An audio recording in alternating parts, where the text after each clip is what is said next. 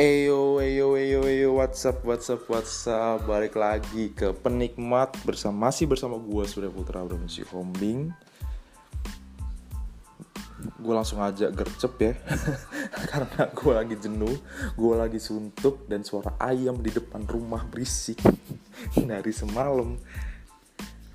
Gue bakal ngebahas Gimana sih menghilangkan jenuh. Dan gimana kita harus selalu bersyukur itu? Gue di sini bukan mau nyeramah ya. Gue mau ngati mau ngati lah kan. Mau ngasih tips-tipsnya nih gimana caranya kita tuh bisa bersyukur gitu tanpa harus. Kalau orang Jawa bilang tuh sambat gitu kan nyambat mulu misuh-misuh ya kan? Misuh-misuh mulu. Itu jadi uh, menurut gue ya jenuh tiap orang pasti pernah ngerasain yang namanya jenuh gitu kan. Bosen.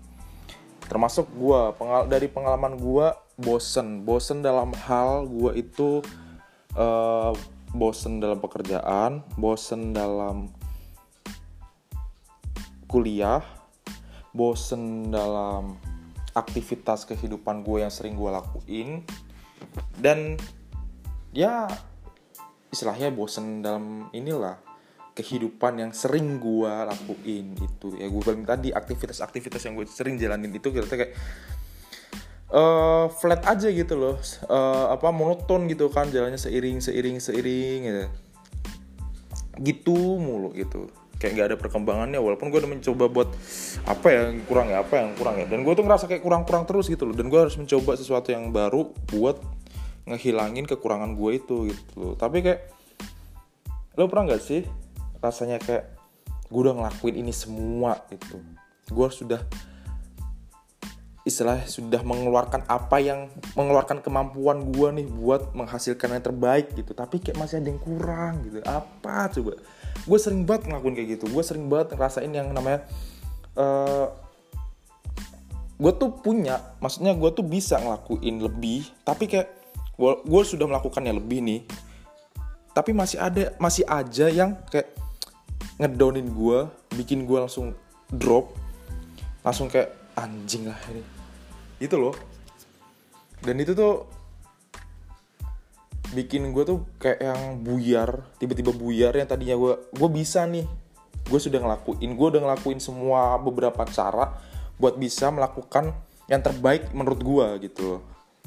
Misal dalam pekerjaan gue gitu kan misal dalam setiap event gue harus bisa nih uh, mengeluarkan segala kemampuan gue, uh, membangun tim gue, semangat tim gue, biar mendapatkan hasil yang baik nanti ketika pas event itu berjalan, orang-orang tuh kayak yang, wah ini enak juga nih, ya gitu kan, ini enak juga nih, jalan acaranya ini enak juga nih, seru gitu kan. Tapi ketika selesai itu kayak anjing lah nih, kenapa sih harus ada yang kayak gini nih gitu, anjing lah nih, kenapa sih kok kurang miss dikit banget nih gitu. Wal padahal itu missnya dikit banget gitu, tapi kayak kenapa sih? Gitu loh. Gitu. Maka gue belakangan ini gue tuh sering yang namanya tuh gue di tim io gue istilahnya kita tuh uh, kayak keluarga gitu loh.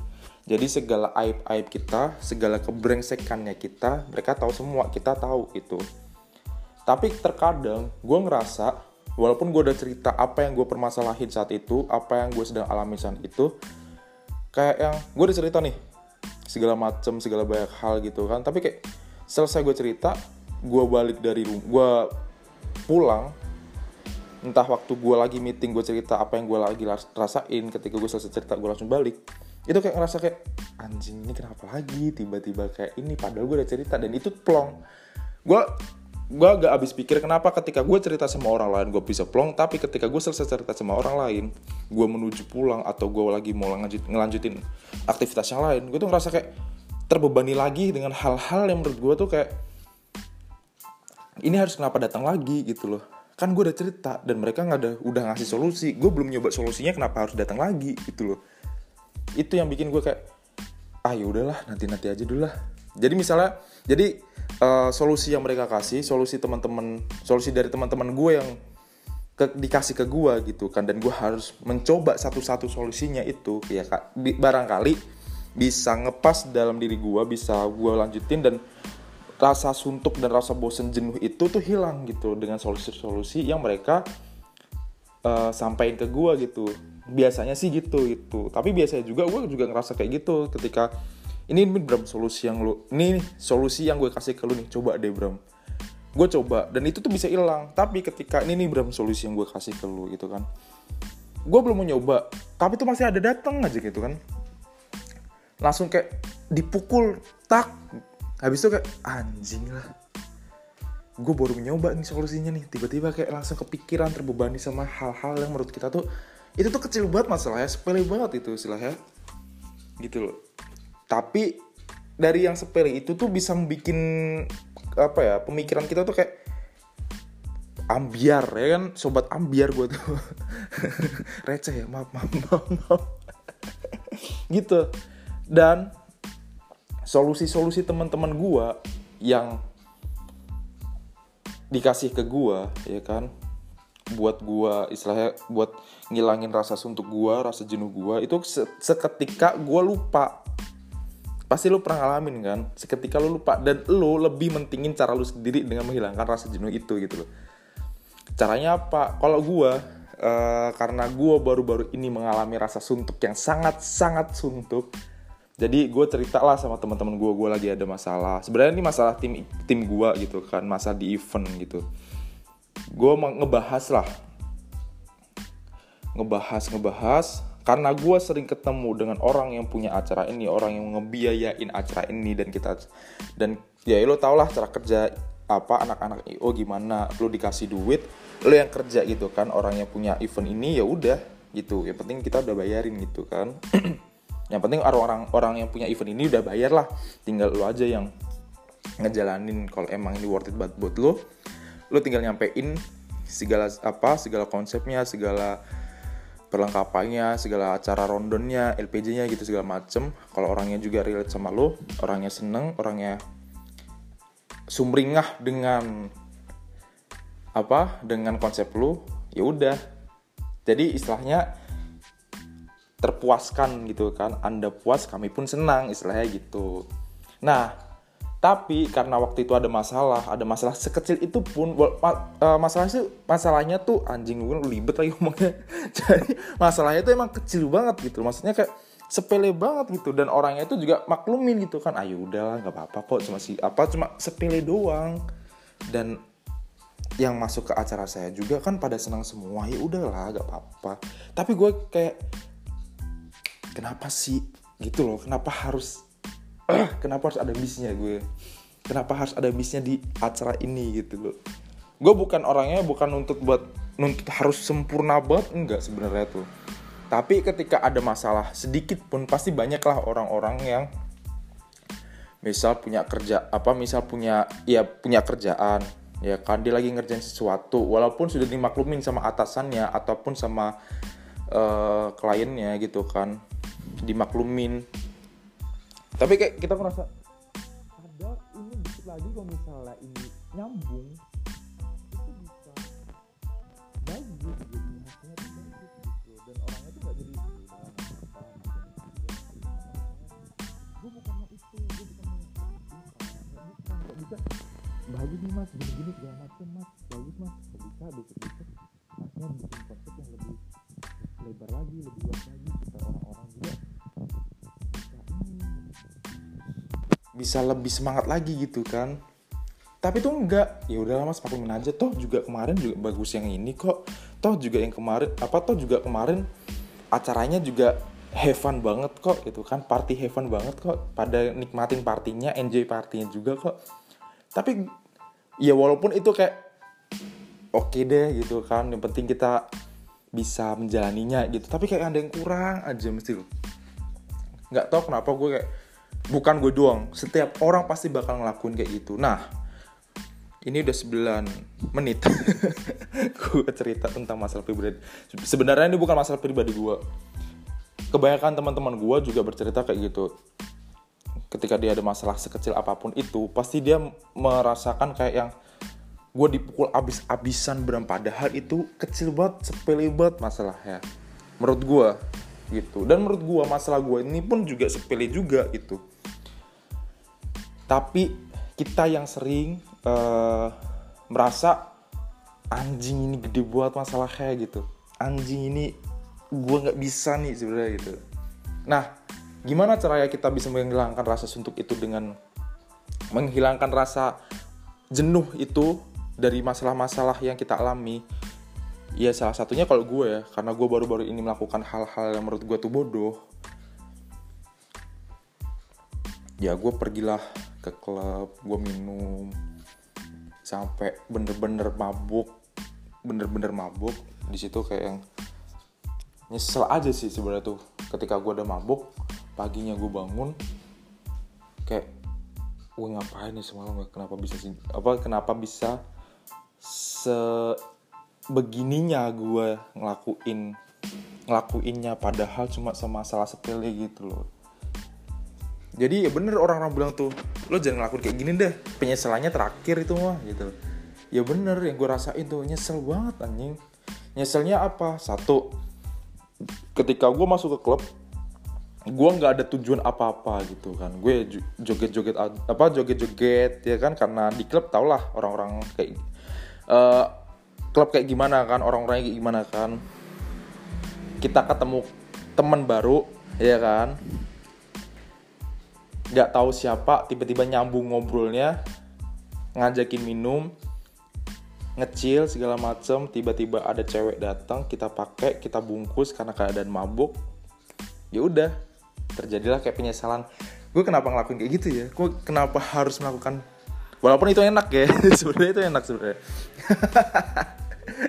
Nggak gitu juga sih sebenarnya sih. Tapi tuh mm, kayak apa namanya cuma sehari itu doang cuma beberapa jam doang lu bisa menghilangkan masalah lu lu bisa menghilangkan rasa jenuh lu gitu loh. Tapi ketika besok paginya lu bener-bener sadar itu kayak anjing datang lagi nih masalah. Itu loh.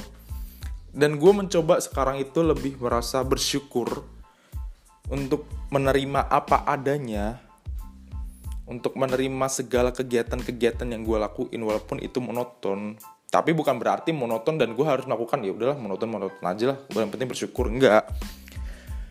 Ya gue bersyukur dan gue harus mengembangkan kemampuan gue biar nggak monot nggak terlalu monoton gitu. Ya gue apa ya nyontoh ini sih.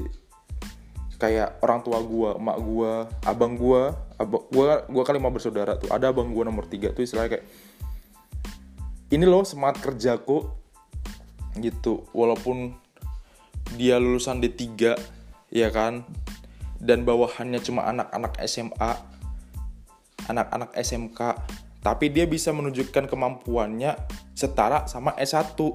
Jadi yang tadinya dia D3 dia bisa nyuruh juga anak-anak S1 anak-anak D3 buat kerja sama dia gitu maksudnya bukan anak-anak SMA lagi yang dia bukan anak-anak SMA lagi jadi bawahan dia tapi anak D3 pun anak S1 pun dia bisa suruh walaupun dia cuma lulusan D3 itu yang gue contoh dari abang gue gitu. Sama kayak nyokap gue nyokap gue uh, kesehariannya masak dia catering. Istilahnya gue uh, bisa dibilang gue sederhana gitu kan. Gue bukan orang-orang kaya yang tiap hari bisa keluar naik mobil yang tiap hari bisa pergi ngecil segala macem enggak gue di sini juga bekerja.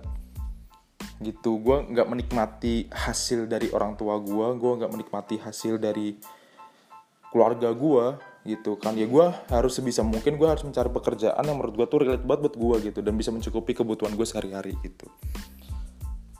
Ya seperti nyokap gue nyokap gue single parents menghidupi lima anaknya dan nggak ada satupun kata capek. Walaupun mak gue masak istilahnya masak catering itu kan capek banget kan. Yang dipesannya berapa ribu lah buat undangan atau buat acara di rumah itu kan. Entah lagi acara apa orang yang mesen masakan mak gua tuh di acara rumahnya tuh emang bener-bener banyak banget kebutuhannya ya kan. Dan mak gua harus istilahnya ngebantuin lah gitu kan. Ngebantuin masak di rumah orang lain gitu kan. Jadi tukang masak di rumah orang lain nggak masak di rumah lagi berarti ya gitu. Ngebantu masak di rumah orang lain dan bersuka cita banget gitu loh. Dan merasakan yang namanya tuh bersyukur banget gitu loh. Bersyukurnya apa? Tenaga mak gue masih dipakai gitu kan. Kalau misalnya tenaga mak gue nggak dipakai lagi kita anak-anaknya ya nggak bisa nggak bisa bakal jadi orang. Maksudnya nggak bisa bakal ngerasain yang namanya bener-bener hidup gitu.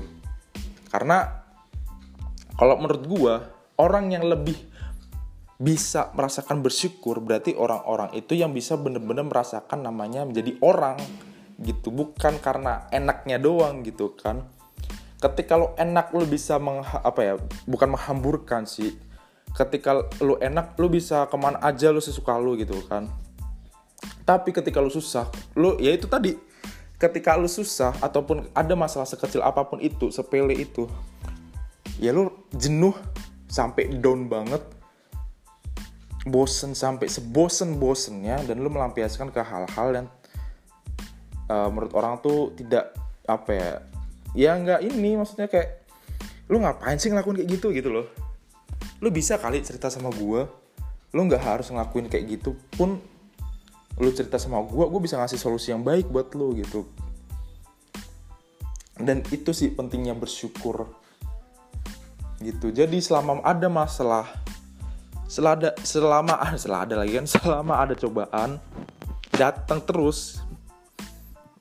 Gue bilang ya orang tuh hidup gak ada yang enak gitu. Lo punya uang sebanyak apa pun lo anak dari perusahaan dari mana pun bapak lu punya perusahaan segede apa pun tapi lo belum merasakan bersyukur itu kayak yang men coba deh dari sekarang bersyukur apa pun itu. Karena apa? Dengan cara lo bersyukur lo tuh bisa mengerti memaknai hidup lo kayak gimana gitu loh.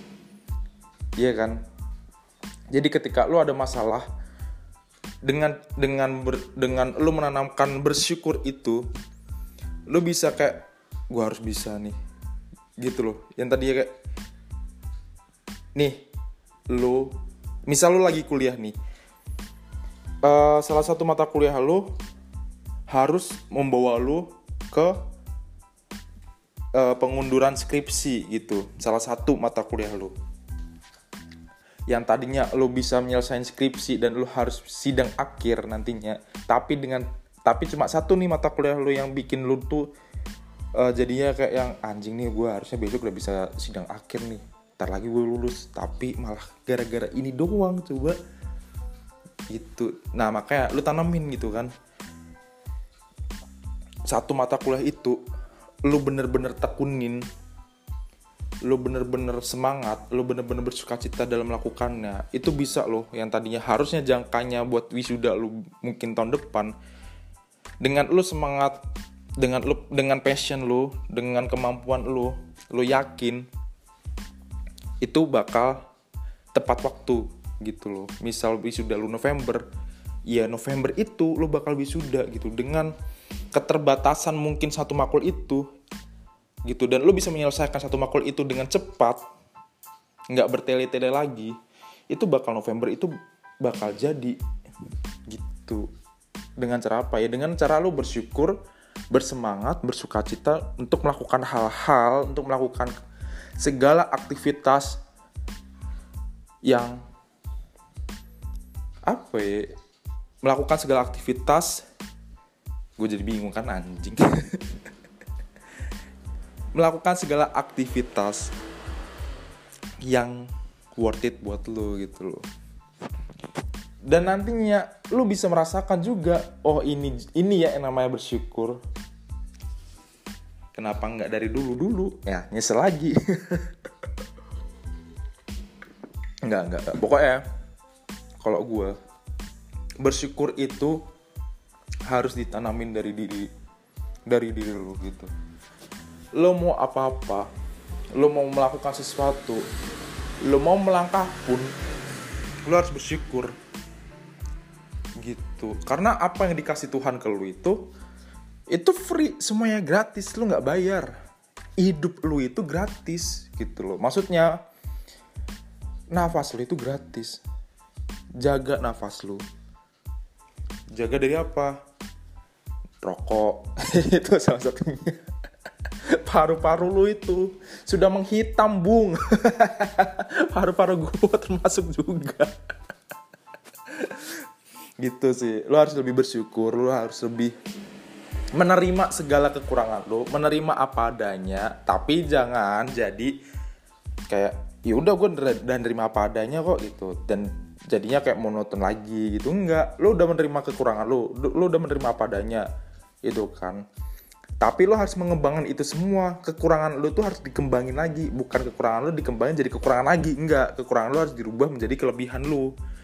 Gitu. Lo balik. Kan gitu.